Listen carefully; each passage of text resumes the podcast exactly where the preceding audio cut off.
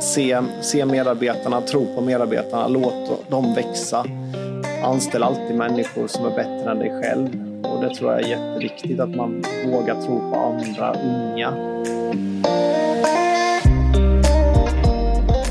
Där, varmt välkomna tillbaka till ännu ett avsnitt av CNU Podcast och varmt välkommen Jesper Sten. Tack så mycket. Underbart roligt att få träffa er i Jönköping, min lilla hemstad. Mm. Här har vi inte varit på väldigt länge. Shit. Men det är kul att vara här och sitta framför en marknadsföringsexpert. Men jag tänker, vi kan börja med din karriär. Om du skulle bryta ner din karriär lite stegvis för lyssnaren. Hur hamnar du på Bolt och Venture Invest idag? Ja, Venture Invest. Eh, jag, eh, jag har alltid, så länge jag kommer ihåg nästan, liksom jobbat.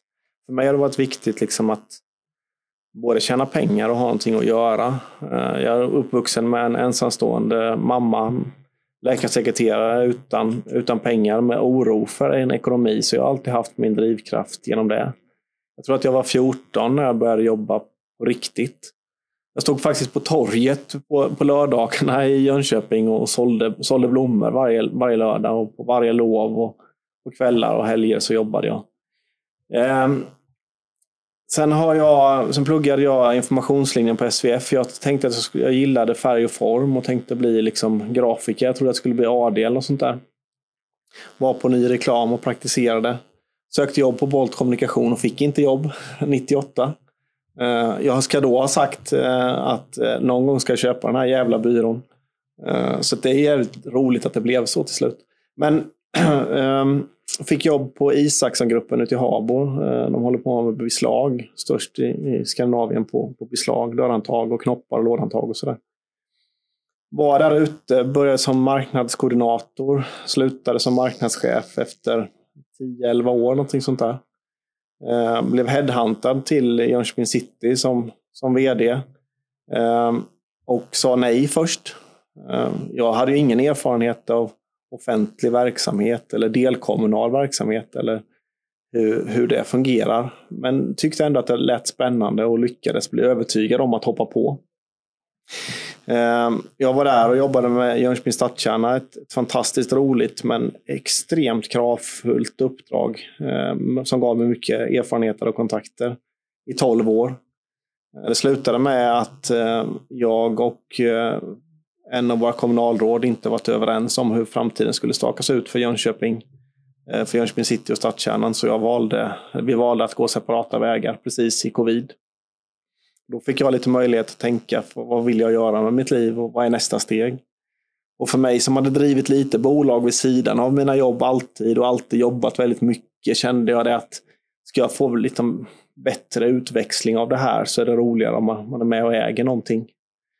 Ehm, och började titta lite på olika verksamheter. Inte helt lätt dock att värdera bolag mitt i covid. Ehm, kommer det här bolaget att överleva? Liksom, så hur ser intäktsmodellen ut? Hur, hur ser världen ut om ett halvår eller om ett år?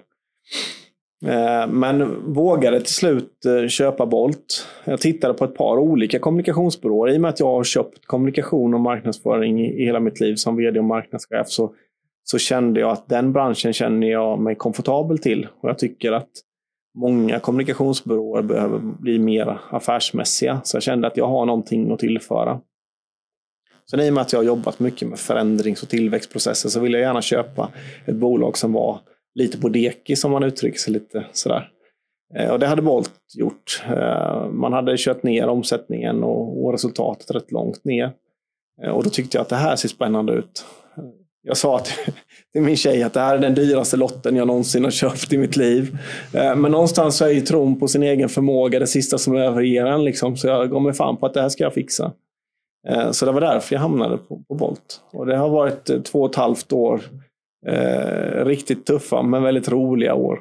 Måste säga. Men det är väl skönt också att lägga den typen av investering för att det, det sätter ju också press på att nu är det dags. Ja, det, det går inte lalla liksom, utan det är upp till dig själv. Liksom, att, eh, tror jag på att jag kan skapa det här så måste jag se till att göra det också. Och då är man ju beredd att ge det lilla extra och det lilla extra och lite till ett tag för att se till att det faktiskt funkar. Eh, så det är en jäkligt bra drivkraft och bra motor. Ja. Hur hamnade du på Ventyr? Eh, Ventyr, jag sprang på familjen Larsson som äger Solidum Group och Ylab, Aspo Fastigheter. Och de har, det är en stor koncern idag som omsätter 2 miljarder. Eh, jag sprang på dem eh, när jag jagade en delägare till Bolt. Jag ville ha en långsiktig delägare som delade min syn på företagandet. Som gärna hade lite, lite behov av kommunikationstjänster. Och som hade en långsiktighet och en, en, en, ett bra förhållningssätt till hur det är att driva företag. Jag kände mig rätt så ensam eh, i ägandet av Bolt. Jag ville ha en professionell styrelse. Jag ville ha någon som att bolla med. Liksom. Eh, jag pratade med flera olika investmentbolag och sådär eh, och kände väl att det var mycket siffror, mycket kvartalsekonomi och det kändes inte som att de såg mig som människa. De tittade bara på kalkylen. Liksom. Jag ville ha någon som, som trodde på mig som människa. Eh, och jag kände att det här var människor som, som jag gillar och som jag vill hänga med.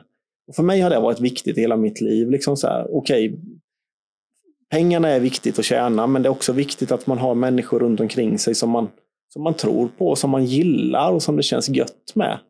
Eh, man får tänka på det att det är inte alltid lite medvind. Ibland är det väldigt mycket motvind och ibland är det väldigt mycket medvind. Och då gäller det att veta att kan de här människorna vara bra i både den starka motvinden och när det blåser lite med. Och det kände jag att den här familjen, de, de är rätt på det. Liksom. De har rätt värderingar. De är precis den långsiktiga tryggheten som jag vill ha. Då kan jag fortsätta med mitt galna entreprenörskap och veva liksom, som jag är som bäst på. Så, så, det, var, det var en bra match. Och då gjorde vi så att vi startade Ventyr Invest som är ett investmentbolag eh, som, inte, som investerar mer i människor och möjligheter snarare än kvartalsekonomi. Visst, vi ska tjäna pengar, det ska alla göra. Eh, men vi vill hitta rätt människor som delar våra värderingar. Eh, hitta balansen i livet, långsiktigheten. Eh, det är då jag tror att man kan nå bäst framgång. Eh, så Ventyr Invest äger jag en del av. Mikael Alm, vår partner, äger en del och familjen Larsson äger en del. Och Ventyr Invest äger 100% av Volt Kommunikation. Mm. Det är väl otroligt skönt också om man har den relationen med sin kollega, med sin arbetspartner eller sin kund. Det blir ju mycket mer tillitsbaserat. Då slipper man gå in och micromanagera precis allting. Precis, precis så. Jag håller 100% med dig. Det handlar ju om, om förtroende, om tillit. Liksom. Att, att vara trygg i det. Eh, det är då man kan nå som längst, tror jag. Annars blir det att man petar i varje detalj. Och det tror inte jag är alls bra. Särskilt inte om det är entreprenörmänniskor. De gillar ju inte att peta i detaljer på den nivån. Nej, gud nej. Och sen blir det ju att du låser upp möjligheten att kunna och våga ta lite mera tveksamma beslut och risker eftersom att du vet att ja, men, om, om jag inte har kontroll hemma, hur ska jag då välja om jag ska få börja jobba liksom i trädgården? Och då blir det om, om, om jag känner bekvämt i att om de presterar på sina egna positioner, de vill åt samma håll, vi delar samma värderingar. Om jag tar den här risken och den floppar, worst case scenario, så är det inte fullständig katastrof. Nej, men det är helt sant och dessutom så tror jag väldigt mycket på, på både det som du säger och, och långsiktigheten i det. För många av de beslut, ska man bli framgångsrik så är, man kan inte veta allting innan. Du kan inte räkna hem allting innan, utan det handlar väldigt mycket om känsla, erfarenheter. Känns det här bra, bra i magen? Tror vi på det här? Eh, det, det, går inte alltid räkna med siffror tidigare. Eh, det är inte rätt sätt, tycker inte jag i alla fall. Mm. Om vi går tillbaka lite till de unga åren. Mm.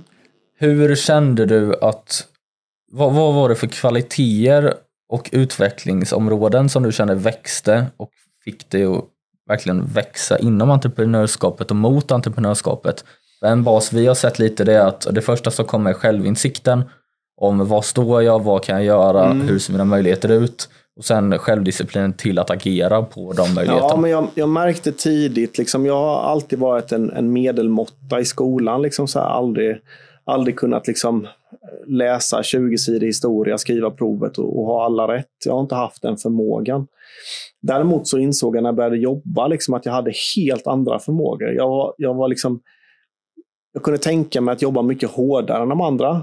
Eh, jag tyckte det var roligare. Eh, jag hittade en drivkraft i jobbet. Jag fick in, för mig är feedback väldigt viktigt, att man känner att, att man gör någonting. Skolan tycker jag är värdelösa på det. Man, man får feedbacken genom ett, ett prov. Du hade 19 rätt av 25. Liksom så här. Det ger inte samma sak. Men arbetslivet gav mig en helt annan sak och, och fick mig att inse att jäklar, jag har ju jag har något som ingen annan, liksom, inte alla har i alla fall. Jag har en, en drivkraft och en energi eh, och, och, är rätt så orädd och rätt duktig på att möta olika typer av människor. Ja, men det här går ju att kapitalisera på och jag tycker att det är roligt samtidigt. Så, så utifrån det så, så, tog jag liksom tag i karriären eller livet på ett helt annat sätt än vad jag kunde göra när jag, när jag var liten och pluggade. Liksom. Det är väl skönare också att kunna agera mer strategiskt enligt sina egna mål. För skolan är ju väldigt mycket, om du har det provet, då är det det provet.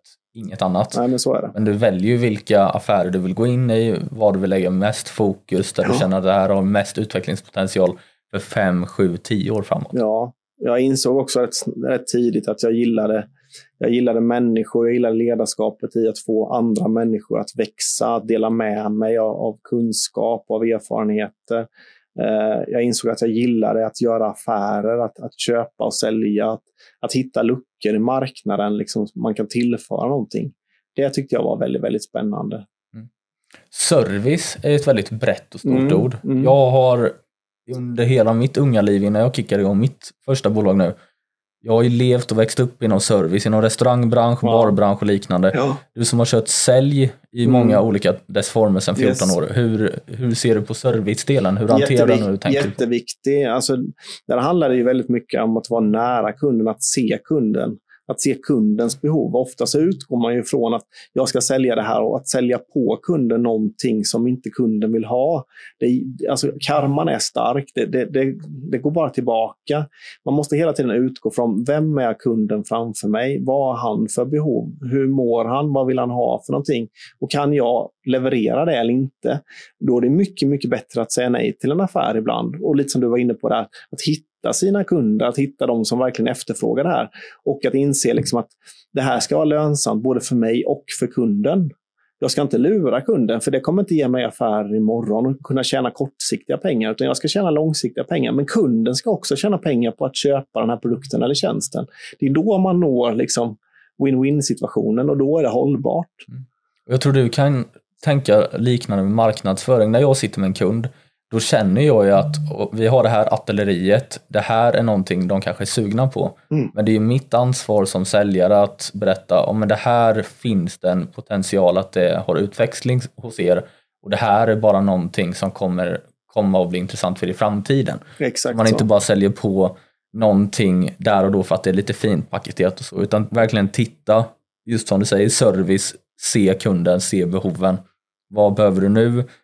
Men jag gillar ju lite som du säkert att presentera alla potentiella lösningar för framtida problem. Ja, men då får man ju benämna det, att det är framtida det, problem. Ja, det ska man ju göra också, men man ska akta sig för, för att översälja och man ska lyssna på vad kunden har för behov i nuet. Det svåra där när det gäller kommunikation och marknadsföring, det är ju oftast liksom att säga till kunden att du, nu tänker du fel. Så här tänkte vi för, för tio år sedan. Eh, ska du nå den där målgruppen inom det där segmentet så, så bör du göra på det här sättet istället. Eh, det är ju det svåraste när kunden, när kunden vet, så att säga, inom situationstecken, eh, att då presentera på ett ödmjukt sätt att den här lösningen skulle vara mer framgångsrik för dig. Jag rekommenderar dig att prova den här istället. Det är ju det svåraste. För man vill ju vara nära och lojal på kunden, men ibland måste man ju berätta för den att den har fel också mm. och våga göra det på ett, på ett sunt sätt. Och det är jätteintressant just att du sitter i Jönköping, för den här delen av Sverige, om man tittar på kartan, är ju mer konservativ när det kommer till ny Definitivt. typ av teknologisk ja. utveckling inom någon aspekt. Ja. Då ännu mer inom marknadsföring när vi har ChatGPT och liknande som ja. kryper. Ja. Hur, hur tänker ni kring det? Hur approachar ni ett kon mer konservativt bolag med en kanske äldre styrelse? Ja. Eh, hur får ni in de här nya begreppen och nya stilarna för digital marknadsföring växer ju snabbare oh ja. än egentligen någon bransch som Exakt. finns för att det är den som blir träffad ja. först av AI. Oh ja. Vi försöker vara så utmanande vi kan, men, men all respekt för precis det som du säger. Vi stöter ju på uh, många bolag som är väldigt, väldigt, väldigt konservativa. Och, och, där blir det ju oftast en resa tillsammans med kunden. Uh, för kunden måste ju komma till egen insikt först. Och det är först när kunden själv förstår att jag behöver hoppa på det här.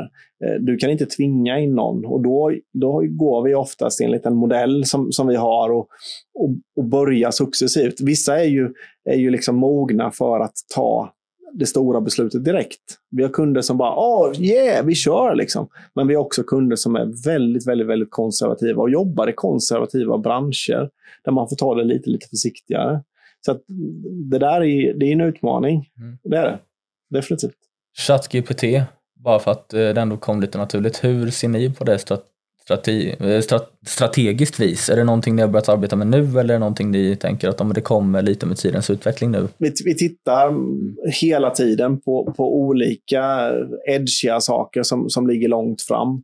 Eh, just Bolt Kommunikation är ju väldigt duktiga på liksom identitet, varumärkespaketering och liksom skapa kommunikation som sticker ut och som berör och som är känslomässig. Liksom så här. Eh, sen har vi en, många samarbetspartners som är inom, som är mycket, mycket längre fram när det gäller liksom AI-teknik och liksom allt sånt där. Eh, vi jobbar inte jätteaktivt med de delarna, men jag personligen har dem väldigt, väldigt nära mig, för vi måste ju liksom vara med i utvecklingen. Mm. Eh, så att, eh, Ja, och det ligger ju nästan ännu mer i fokus i att koppla emotionalitet till ett namn. Ja. Än att just få namnet att synas på rätt ställen. Ja, För ja. har du inte det från början, Nej. då bränner du ju bara pengar. Ja, då spelar det ingen roll hur många plattformar eller hur många gånger du syns om inte det skapar rätt känsla. Liksom. Nej, och när vi kommer till sån teknik som är så bra på att hitta varenda liten potentiellt intressant källa, ja. blir det också om du bara har en chans att träffa mm. den källan, och då ska du ju komma i ditt i ditt bästa, största, finaste fokus. Exakt. Och kunna leverera det. Ja, superviktigt. Men jag tänker motivation, inspiration. Hur hämtar du egen motivation och hur inspirerar du och motiverar dina medarbetare? Och hur har det sett ut under tiden? För, för mig har det varit väldigt viktigt liksom att, att hålla balansen också i det här. Det, det, är så himla lätt när man har mycket energi och mycket drivkraft att dels kräva det av sin omvärld och dels kräva det av sig själv. Eh, det är de människorna som kör tills de stupar. Liksom. Eh, jag är ju några år äldre än dig och har trillat ihop någon gång i mitt liv, så jag vet ju ungefär var, var mina egna gränser går. Eh, jag, jag mår som bäst när jag kan hitta en, en, bra balans mellan, mellan jobb och fritid. Förr i tiden kunde jag jobba 80-90 timmar och jag jobbar alldeles för mycket nu för tiden också, men, men jag har en bättre balans till det och får väldigt, väldigt mycket Eh, både inspiration och liksom harmoni i att röra på mig. Eh, att ha en aktiv fritid, att inte bara jobba hela tiden.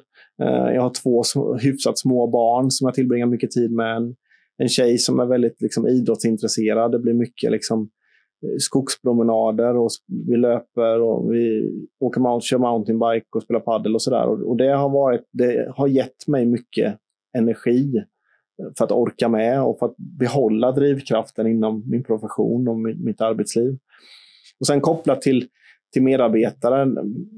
Förr i tiden så tycker jag, jag ser ledarskapet på liksom att man måste ha ett, ett väldigt individuellt ledarskap eh, som en självklarhet. Liksom. Man kan inte leda alla på samma sätt. Olika människor går igång på olika saker. Det är ungefär som när du säljer till en kund. Du kan inte använda samma säljteknik till alla kunder och du kan inte leda alla medarbetare på samma sätt, utan de måste vara individanpassade. Vissa behöver kniven på strupen, vissa kan man visionsstyra, eh, vissa måste betingstyra, eh, vissa går igång på liksom avslut och vissa går igång på den kreativa processen. Eh, att, att, vara, att lyssna, att se medarbetarna, att låta dem växa och att, att se vad är det för någonting just den här individen går igång på. Det tycker jag är det viktigaste med ledarskapet och för att driva och motivera när jag kom in på Bolt så, så drog jag väldigt mycket siffror och statistik. Och liksom så här, vi var ju nere för räkning.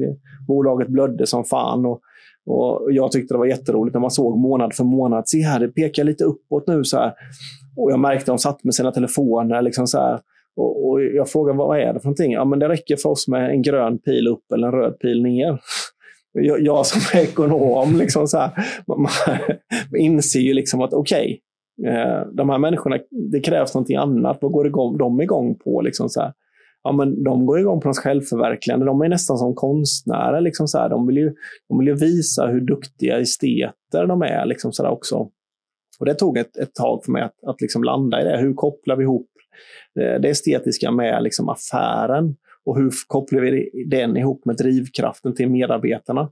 Och vi pratar väldigt mycket om så här, vilk, vem är drömkunden och vilket är drömuppdraget? Vad vill vi ha? Vad går de igång på? För det hjälper mig i min säljstrategi på vilka kunder ska jag försöka att nå för att få igång mina medarbetare på rätt sätt. Då kan vi leverera som bäst. Då kommer våra kunder tjäna mest pengar och vi kommer tjäna mest pengar. Så det är ju en, man lever ju i symbios med, med sin personal på det sättet. Och konsultverksamheten är ju, är ju väldigt unik på det sättet. Eh, Liksom balansräkningen är ju personalen. Därför gäller det att, att, att man har dem nära. Och då, då handlar det väldigt mycket om att man tar in rätt uppdrag som de faktiskt gillar för att behålla deras energi och deras motivation och deras drivkraft. Um, det är väldigt intressant det du säger, för om du kommer från det mer analytiska hållet yes. Och om vi pratar lite färger, mm. Eh, då är man ju, som företagsledare tenderar man ju till att vara lite mer åt det rödblåa hållet. Jajamän. För att kunna dra framåt, dra lite kortare fast ändå intuitionsbaserade, välutvecklade beslut. Yes. Eh, och om du ska korsa från den blåa gruppen och ännu mer då från den röda gruppen in i det gula, mm. då är det nästan det enda du kan visa upp till de som är lite mer kreativa, det är ju passion. Exakt. Då måste du komma in i det hållet. Passion, egen motivation. Yes. Vad vill du att se bolaget någonstans? Inte, inte taktiskt, inte analytiskt, Nej. utan vad vill du se? Hur vill du se kulturen mm. då, när det är färdigt? Hur vill du se kulturen när den är framme? Ja. Och hur kommer vi värna om kulturen och känslan att vara ja. på arbetsplatsen? Exakt. Så det måste ha varit ett jätteintressant möte för dig. Ja, super. Jag, jag startade en, en sån Volt framtidsseminarieserie som vi hade internt där vi avsatte fem eller sex långluncher där jag hämtade mat. Och jag, jag ville ha med mig teamet på det, för jag insåg att det här kan inte komma uppifrån ett ägarperspektiv eller ett vd-perspektiv, utan det här måste komma ifrån gruppen gemensamt. Men vill, vad vill vi? Vilka är vi? Vad står vi för? Vad tycker vi är roligt? Så att, eh, det, det, det ökade deras motivation och ökade deras drivkraft, den delaktigheten. Mm. Men det kräver också att, att jag som ägare och vd vågar släppa så mycket. Eh, det är ju åt båda hållen. Men för mig så kändes det självklart att, att engagera dem i det. Sen, sen finns det ju alltid frågeställningar som, som de inte vill vara med i, där, där de faktiskt vill ha ett ramverk. Men innanför det ramverket så vill de ha lite mer delaktighet och, och frihet och kunna vara med och tycka till. Men om vi tittar på branschen, ja. vad är det farligaste du ser just nu inom digital marknadsföring? Om vi tittar på den bubblan. Vad är det för ja, jag tycker det, det, är för, det är för mycket snack om, om eh, KPI som bygger på antal visningar eller antal klick. Och, och liksom så här. Man, man, ser det inte ur ett affärsperspektiv. Det finns de, alla de här olika eh, bolagen, SEO-bolag och så vidare kommer upp som svampar. Liksom. Och jag, jag, tycker att man lurar kunden till att tro att bara jag får 1,2 miljoner klick på det här inlägget så, så, så kommer så 20 procent köpa. Nej, precis. Men, men, för mig är det intressant. Så här, har vi gjort varumärkesförflyttningen? Har, har vi ökat försäljningen? Eh, har, vi, har vi ändrat till den positionen som vi vill ha på marknaden? Har vi laddat vårt varumärke eh, med, med rätt saker som vi vill? Ehm, den här hysterin med, med clickbaiten är ju galen. Liksom. Mm. För det, det vi ser lite, vi som kommer in, om man ska säga lite underifrån på bolagsvärlden, det är just det här att det första vi får, en, får från en kund när vi pratar marknadsföring, det är just ja men vad är era styrkor, svagheter internt? Hur tittar ni externt? Det blir väldigt mycket one-liner svar. Yes. Och då blir det väldigt komplicerat att bygga det till just en känsla. Mm. Det är därför jag älskar den typen av marknadsföring som är lite, om man ska säga, lite mera äkta. Just ja. där att så här ser det ut under en pro eh, produktion. Ja. Här har du vdn som går och tar och lyfter den här lampan. Ja. Det är därför jag älskar podcastdelen också, för att då blir det någonstans att då kan man lyfta fram vem är jag? Vilket är en väldigt svår fråga för någon som är lite mer rödblå att gå in i. För att mm. du som är mer analytisk, du och jag, vi kan ju drivas av bara att se siffror och en ja, sifferutveckling. Ja. Ja, vi kan ha det som mål att ja, men 15% istället för 10, boom. Men det är just att det är ju ingenting, det är ju nästan kontraproduktivt om du pratar med en kund. Eftersom att det är de som plockar notan. Ja, Exakt, exakt. Men hur, hur ser ni på värder vad är era värderingar på Bolt? Vad är era grundvärderingar? Nej, men vi, vi, har kokat ner det till att det, det, är enkelt, tryggt, roligt och lönsamt att jobba med Bolt. Vi har jobbat rätt mycket med våra värderingar. Liksom. Jag tycker precis som du att branschen är lite fel på det. Liksom. Det är för mycket floskler och det, det är ett språkbruk som inte slutkunden förstår. Man måste ha ett väldigt högt köparkunskap om man ska förstå. De flesta kunderna i våran, som vi pratade om innan, i, i det, runt den här regionen, de mm. har inte den, alltid den köparkompetensen och då måste det vara enkelt och, och man ska förstå när man jobbar med oss. Eh, sen, sen, är det viktigt för oss att det ska vara lönsamt. Vi måste komma ihåg att vi gör av med resultatpengarna, den sista raden-pengarna som vi gör av med, det är marknadsföringen. Och då måste man kunna mäta det, inte på antal klick, utan man måste kunna se det på resultatet. Liksom, gör vi ett bättre resultat om vi ökar vår marknadsföring? Är svaret på den frågan ja, då är det rätt lätt att stoppa in en krona till. Men är svaret tveksamt, då blir det svårare. Eh, sen tycker jag att det, vi jobbar med, med känslor, vi jobbar med, med, reklam och det måste vara lustfyllt och roligt. Både för medarbetarna i employer branding-tanken, att de ska tycka att det är roligt att gå till jobbet. Lite som jag var inne på innan, drivkraft. Trivs jag bra? Är det roliga arbetsuppgifter? Likadant måste det kännas för ett bolag som köper kommunikation, att det ska vara roligt att göra affärer med oss. Liksom så här. Det, är gött, det är gött att hänga på Bolt. Jag vill komma dit och, och, och göra en workshop, för det, det, är härligt. Vi får se vad det kommer ut. Liksom de, de delarna är viktiga. Så därför har vi jobbat mycket liksom med, med Bolts värderingar och var någonstans på marknaden vi ska vara. Och Det är väl det som är viktigt också med all teknologisk utveckling och just det att marknadsföra om man tittar lite lönemässigt sånt, om man ja. gått förbi säljare idag. Mm. Tyvärr. Eller inte tyvärr, men det är ju tyvärr för säljarna. Ja. Du som har varit säljare och jag som har varit det lite också.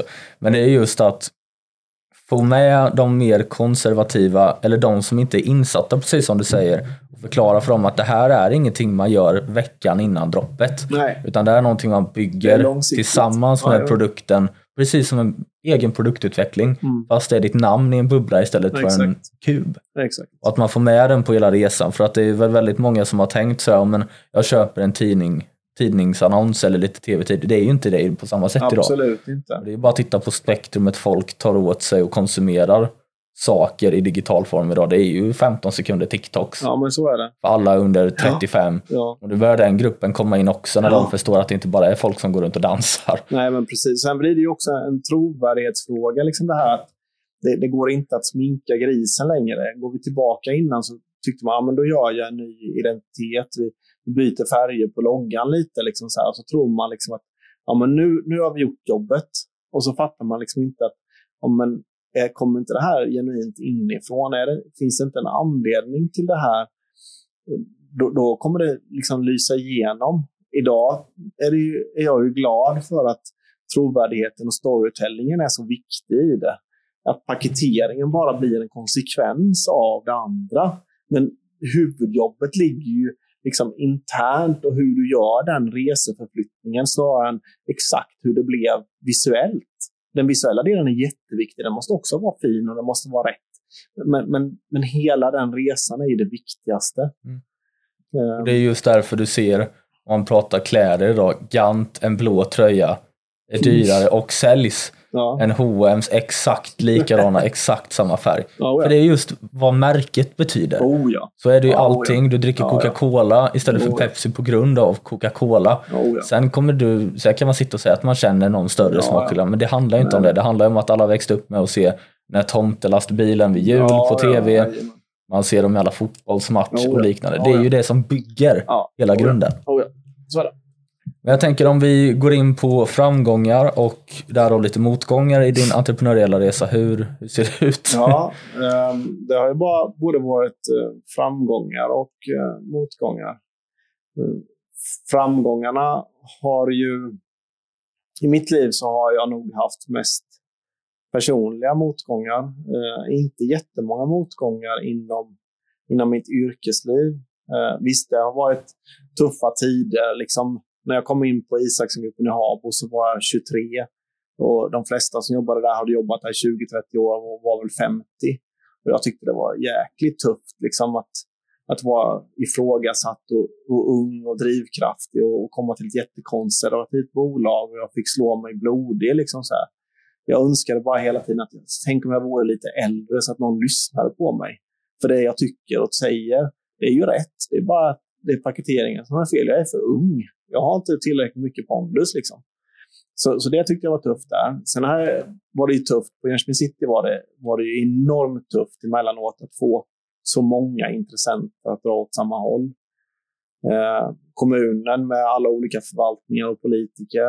Eh, vi har 16 till 20 fastighetsägare i, i stadskärnan och vi har 300 verksamheter. Vi har 10 miljoner besökare som, som tycker och tänker om stadskärnan.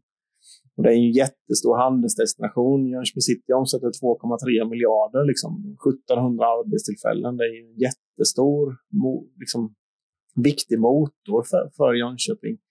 Och, och, i den kontexten kunde jag känna ibland liksom att jag kände mig rätt så ensam. Jag fick ta rätt mycket stryk. Liksom. Jag kände mig ibland som Bagdad-Bob. Liksom så här, vad är, finns det någonting bakom det som jag säger och tror på nu? Eller är jag bara liksom en en murbräcka för en intressentgrupp. Liksom.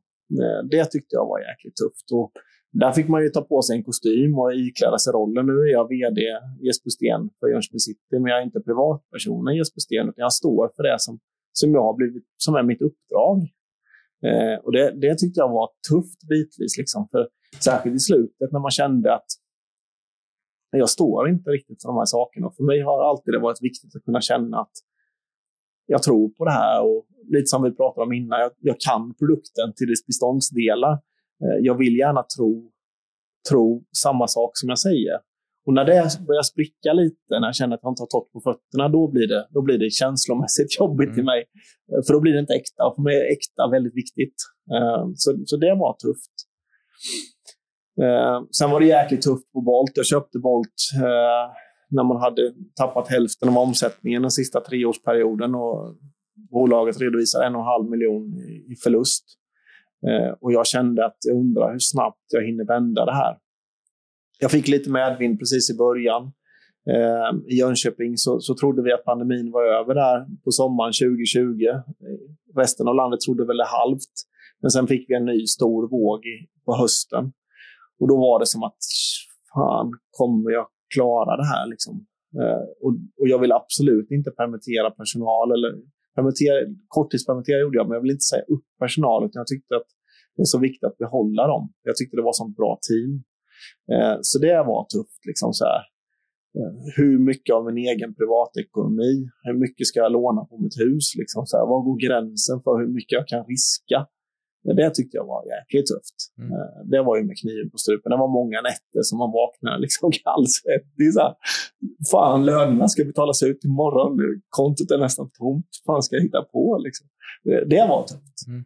Eh, men det är någonting som vi har med oss nu när vi har vänt skutan. Liksom, vi omsätter dubbelt så mycket och tjänar en miljon istället för, för minus en och en halv. Så eh, man har ändå kvar det gamla perspektivet, vilket är jävligt nyttigt tror jag. Och det är någonting som jag alltid kommer att ha med mig. Liksom, att det, um, men det var, det var tufft. Det var tufft var det. Det måste ha varit intressant att känna sig, i tunga ord, no, lite väldigt dödlig. Ja, oh ja. Yes, yes, väldigt. Mm. Men sen får man sätta det i sitt perspektiv, just till väldigt dödlig, med, med tanke på de andra motgångarna som, som jag har gått igenom i mitt liv. Min bästa kompis gick bort eh, veckan innan som min son föddes i cancer, hjärntumör. Eh, och eh, den, det har påverkat mig väldigt, väldigt, väldigt mycket. Eh, mycket det här med att, att inte det är faktiskt pengarna som spelar så stor roll i livet. Eh, som alltid hade varit min, min drivkraft. Liksom. Bara jag har pengar så kommer jag vara lugn. Liksom. Att inse att nej, det, livet handlar om väsentligt viktigare saker. Eh, jag håller på och driver bolag och jag tjänar pengar, men det är också ett sätt att spela monopol. Liksom. Eh, jag har en sysselsättning, jag tycker att det är roligt, eh, men det spelar ingen roll om jag, som, som du sa tidigare, om jag äter knäckebröd en dag. Jag är uppvuxen med enkla, enkla medel, jag, jag har inga dyra vanor. Jag kan ha det nu om jag vill, men, men det, det behöver jag inte, för jag, jag står stadigt ändå på något sätt. Och, det, det, det gör väl perspektivet tydligare för mig. Att, eh, det hade, hade Bolt gått åt helvete så ja, men då hade det det. Då, då hade jag i alla fall försökt. Jag inspireras av människor som, som vågar och, och som gör saker och ting. Eh, människor som tillför. Hade vi inte haft entreprenörer och människor som hade vågat ta risker, då hade det här landet kollapsat. Liksom. Så för mig har det varit viktigt att jag vill vara en bidragsgivare till systemet och då bygger det på att jag använder mina färdigheter till att skapa arbetstillfällen, att se till att skatter kommer in så att systemet fungerar. Och då känner jag att wow, jag har gjort någonting, jag har bidragit. Och det känns lika gött i magen som, som pengarna. Liksom. Mm. Uh, och det är väl det är mitt sätt att se det. Agera genom plikt och leda genom exempel för att få sin omgivning och vara bekväm, för då blir du själv bekväm. Kan det vara lite så? Ja, kanske. Mm. Men jag tänker om vi hoppar in på hälsaspåret. Ja. Det här är en tung grej. nej, det ska vi inte skoja med. Men jag tänker, hur ser det ut? Hur ser det ut idag? Om vi tittar lite träning när du var yngre kontra idag. Vad kör vi för typ av träning? Mm. Vad har vi för frekvens av antal träningspass i veckan? Mm. Generellt sett om hälsa så har jag aldrig tränat så mycket. Jag, när jag var liten så var jag rätt så smal om mig själv. Eh, och eh, rätt så bräcklig.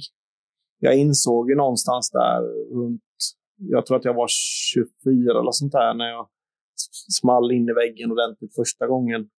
Eh, och fick då lite bättre perspektiv på att ja, men du måste sova lite mer Jesper, du måste äta lite bättre och du måste röra lite på dig. Eh, så det började jag väl göra lite då. Eh, men inte ordentligt med kontinuitet. Jag sprang lite och jag promenerade lite och jag började väl äta lite bättre.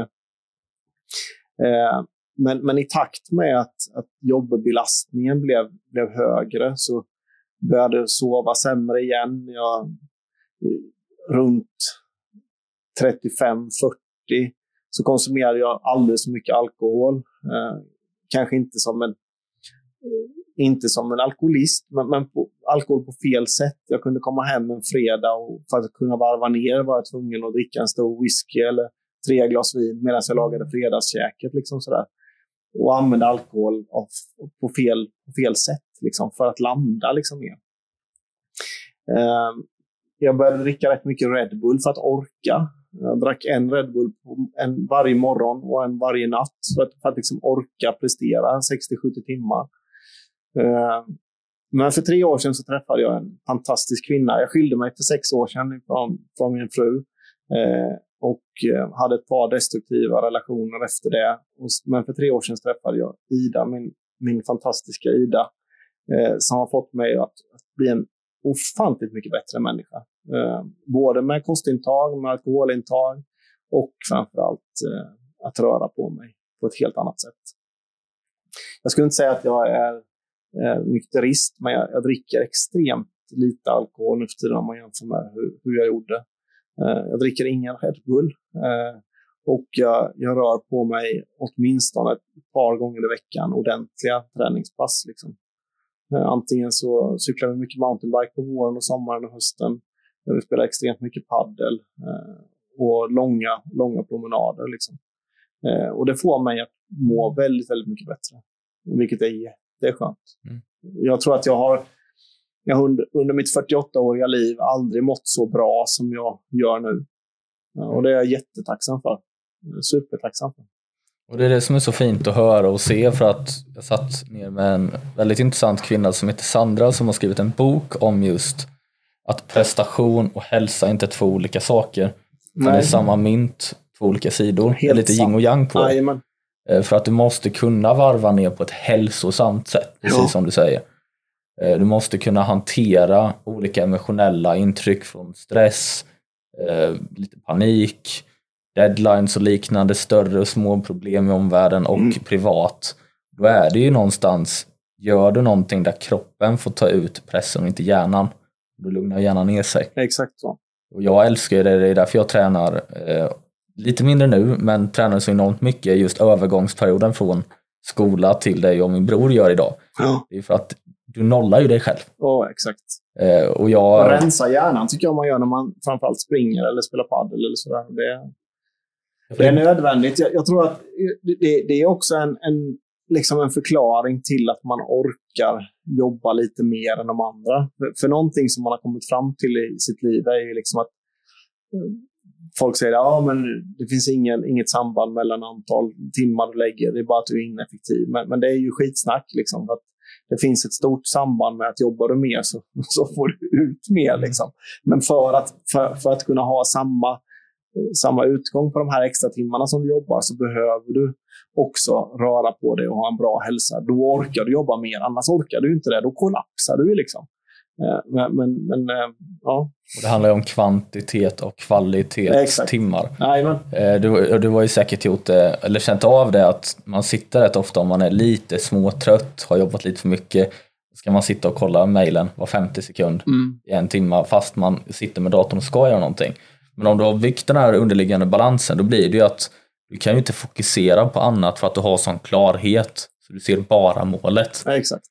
Eh, och det har man ju sett när man har kollat på 75 hard och den typen av träning i all affärsvärld. Ännu mer de som sitter på S&P 500-bolag. Ja. De kör ju nästan ett Navy Seal-liknande träningsupplägg ja, ja. bara för att de går upp tidigt. Och där, du vet själv när man har sovit perfekt, den här perfekta mängden, mm. inte är groggy av trötthet man är ju hur klar som helst i huvudet.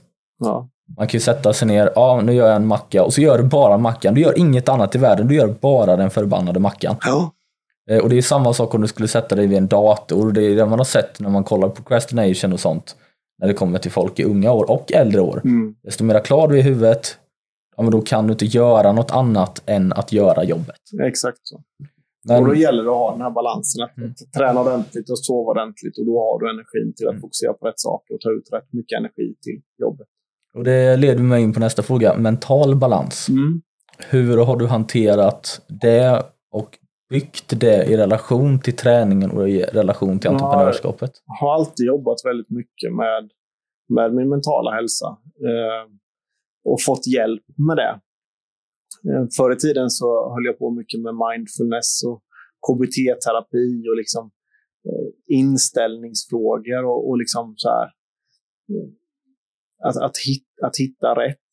Ehm, men för, det var väl i samband med skilsmässan för 6-7 år sedan så kände jag liksom att det räcker inte riktigt. Jag har lite för mycket skräp, eh, lite för stor ryggsäck så då gick jag till en sån här riktig psykodynamisk terapeut eh, som tittar liksom på ens barndom och ens eh, varför. Liksom. Varför, eh, varför har jag den här ryggmärgsreflexen i den här, i den här situationen?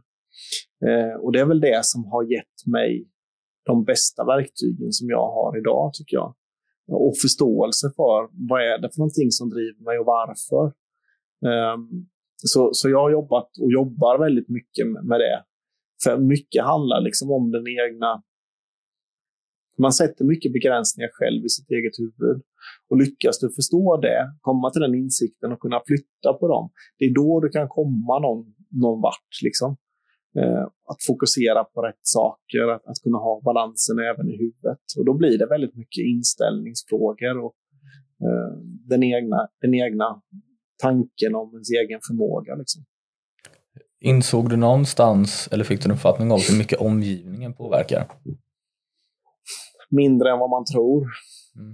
Ehm, det, det, handlar väldigt mycket om, om en, ens egna tankar. Ehm, sen är det olika för olika människor, hur, hur bekräftelsestyrd man är och hur, hur mycket feedback man behöver i, i mitt fall så är jag rätt så bekräft, mer bekräftelsestyrd än vad jag trodde från början. Eh, jag är också beroende av en, en rak och feedback. Liksom så här. För mig är ärlighet väldigt viktigt med, med folk, liksom att man är ärliga. Är väldigt karma är väl så här skällsord, på så här. En, en, en, det är kanske en av de viktigaste orden istället. Ehm, för att jag tror att gör man gott så ger det gott tillbaka. Liksom. Jag har svårt för människor som är oärliga och falska och kortsiktiga. Jag har, har låg förståelse för det. Så på det sättet så har väl omvärlden påverkat mig mycket. Men, men samtidigt så sitter mycket av de egna mentala spärrarna i ens eget huvud. Eh, det, ska man inte komma, det måste man komma ihåg. Mm. Och Det är fint att du just säger det här med långsiktighet, kortsiktighet, för att det, var ju, det är kopplat till branschproblem och vad Bolt lever ja. för. Amen. Just det här att om det är långsiktiga, mer långsiktiga processer, ja vi vill verkligen ta och bygga om grundprincipen på Ja. deras villkor Ja. ta det till deras högsta ambition, om inte ännu längre. Nej, men precis så. Det, det är också de grundvärderingar som vi har, har liksom tagit med oss in i Ventyr Invest när vi, när vi tittar på att köpa bolag nu. Eh, det är ju just den här långsiktigheten och tryggheten i det. Precis det som jag saknade när jag var egen entreprenör och drev Volt. Jag vet att det finns jättemånga härliga entreprenörer där ute som är superduktiga, men som är rätt ensamma och som behöver långsiktighet och trygghet med någon annan att kroka arm med för att kunna driva vidare. Jag tror att det, det finns mycket. Om du hade gett dig själv ett en one-liner tips när du var i 20-23-årsåldern, vad hade du sagt då? Hade du suttit mitt emot den Jesper? Ja, men, ta det lite lugnare, landa, var, var trygg i dig själv. Liksom. Jag, jag var nog hyfsat naiv och trodde att det bara gick att springa. Jag var duktig på att springa och veva och hade väldigt mycket drivkraft. Eh, Men jag brände mig också lite på grund av det, tror jag. Men då tänker jag, om du tittar in i den kameran som är Ja. där och så ger du ett tips till någon som vi kan säga sitter på din egna position, kanske i en annan bransch, men sitter i den åldern du besitter och det ansvaret du besitter, vad hade du gett dem för tips? Vi säger lite sådär VD till VD. Ja, men försök eh, hitta en eh, bra balans i, i livet. Det tror jag är det absolut viktigaste. Det tror jag att man blir en, en bra ledare. Se, se medarbetarna, tro på medarbetarna, låt dem växa. Eh, jag hade en styrelseordförande som någon gång sa till mig så här. Anställ alltid människor som är bättre än dig själv. Och det tror jag är jätteviktigt att man vågar tro på andra unga. Vi som är snart 50 år, det finns många pigga 20-åringar som är mycket bättre än vad vi är. De har inte vår erfarenhet, men de har ett helt annat mindset. Våga släppa fram dem. Jag tyckte när jag var 20-23 att jag inte blev framsläppt, utan att jag blev mer sedd som ett hot. Eh, Så vill inte jag se våra ungdomar, utan jag vill skapa rätt förutsättningar för dem för att de ska lyckas och för att de ska kunna bli de nya företagsledarna. Tack så jättemycket Mm och konstproduktiv arbetsvecka.